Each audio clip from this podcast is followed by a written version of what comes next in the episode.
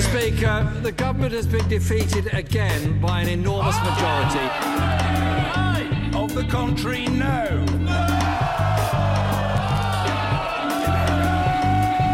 Order. Order. Du lytter til Brexit-bonanza i Opplysningen 99,3 på Radio Nova. Denne uken så ble det klart at vi får et nyvalg i Storbritannia den 12. desember. Dette er det andre parlamentariske valget siden folkeavstemningen i 2016. Ved forrige valg lovte Theresa May det hun selv omtalte som en landslide election, men de konservative mistet flertallet i parlamentet og er nå en del av en mindretallsregjering. Nå er det duket for et nytt nyvalg. Og hva kan bli resultatet av dette?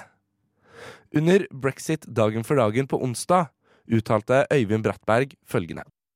Er det konservative partiet alene som må vinne fram dersom man skal få en konservativ regjering. Det nytter ikke å, å belage seg på, på, støtte fra andre partier, for da, da ligger det en bred portefølje av opposisjonspartier, eh, hvilket også betyr at alternativet til en konservativ regjering blir en, ja, et, et, et, mangfoldsperspektiv som kommer til å bli ganske interessant, hvor, hvor både et, et, et Labour-parti som snakker i seg selv med mange, snakker mange språk samtidig, må slå pjaltene sammen med både skotske nasjonalister, liberaldemokrater, grønne og andre potensielt, og skape en slags regnbue variant, regnbuekoalisjon, som er meget ubritisk og fullstendig upløyd terreng. I dagens utgave av Aftenposten skildrer politisk kommentator Øystein Langberg to ulike scenarioer som vil gi to helt forskjellige utfall av nettopp dette valget, og dermed også brexit. Det ene vil gi et klart største parti i form av Labour, og det andre skisserer et sterkt konservativt parti. På de siste målingene derimot ser vi et kraftig svekket Labour og et utrolig sterkt Tory, eller konservativt parti. Selv om det ikke er like sterkt som skissert i disse scenarioene. Og eh, Mathilde Israelsen og Sebastian Hagel, dere har jo lest dere litt opp på dette her. Sebastian, hvorfor får vi et nyvalg akkurat nå? Vel, Boris Johnson gjør litt som Theresa May gjorde eh, i sin tid, og kaller et nyvalg etter å ha selv tapt i parlamentet, for å da forhåpentligvis for hans egen del da, få en switch innen eget parti og i parlamentet som en helhet, for å da kunne få gjennom sin type avtale. Um, og grunnen til at vi får nyvalget nå, er fordi at Labour-partiet er jo da enig i at vi trenger et valg nå, fordi de selv anser seg selv som i posisjon for å tjene på dette. Nettopp fordi at det, folket føler på en slags brexit-fatigue, eller at det, Johnsons måte å føre brexit på ikke fungerer helt, da. Det er jo veldig interessant at du trekker fram dette med brexit fatigue. fordi at uh, på dette samme eventet på onsdag så uttalte Kristin Haugevik seg om brexit fatigue. Vi kan høre et lite klipp derfra. Har også sett på nettet at brexit fatigue er etablert som et sånn nytt begrep som en del eh, mennesker lider av nå. Fordi det som er, eh, kan bli skummelt da, for britene, er hvis de får apatiske velgere da, i møte med denne store Eh, sånn Problemet som brexit nettopp er, at du får velgere som ikke ønsker å delta i demokratiet, nettopp fordi det skjer jo ingenting.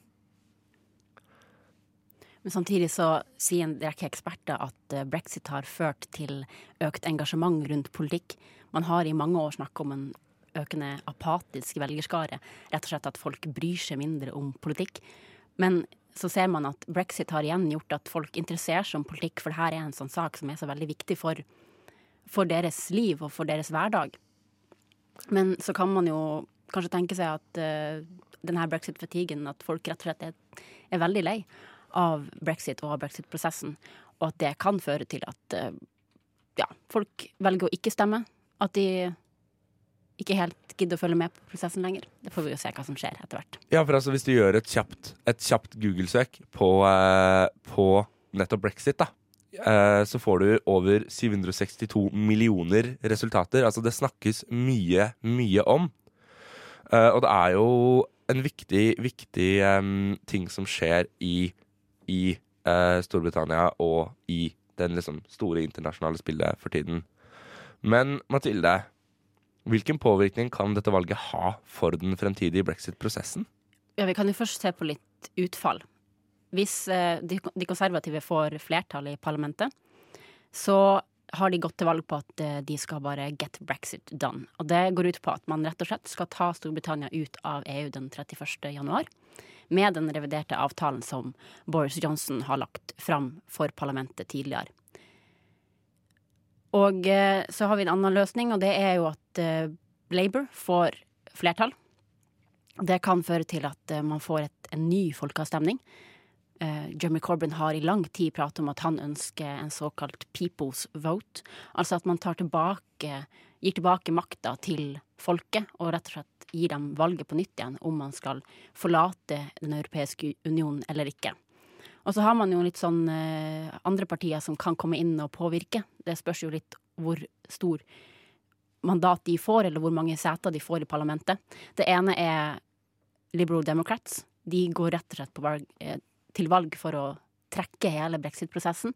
Og trekke tilbake den eh, article 50 i eh, Lisboa-traktaten, som sier at man kan gå ut av unionen og rett og slett si at vi skal ikke ut, bare vi blir igjen i unionen. Og så har man eh, Nigel Farage sitt eh, brexit-parti, som går på valg til å leave without deal. Altså rett og slett no deal. Bare gå rett ut uten mer eh, kaos og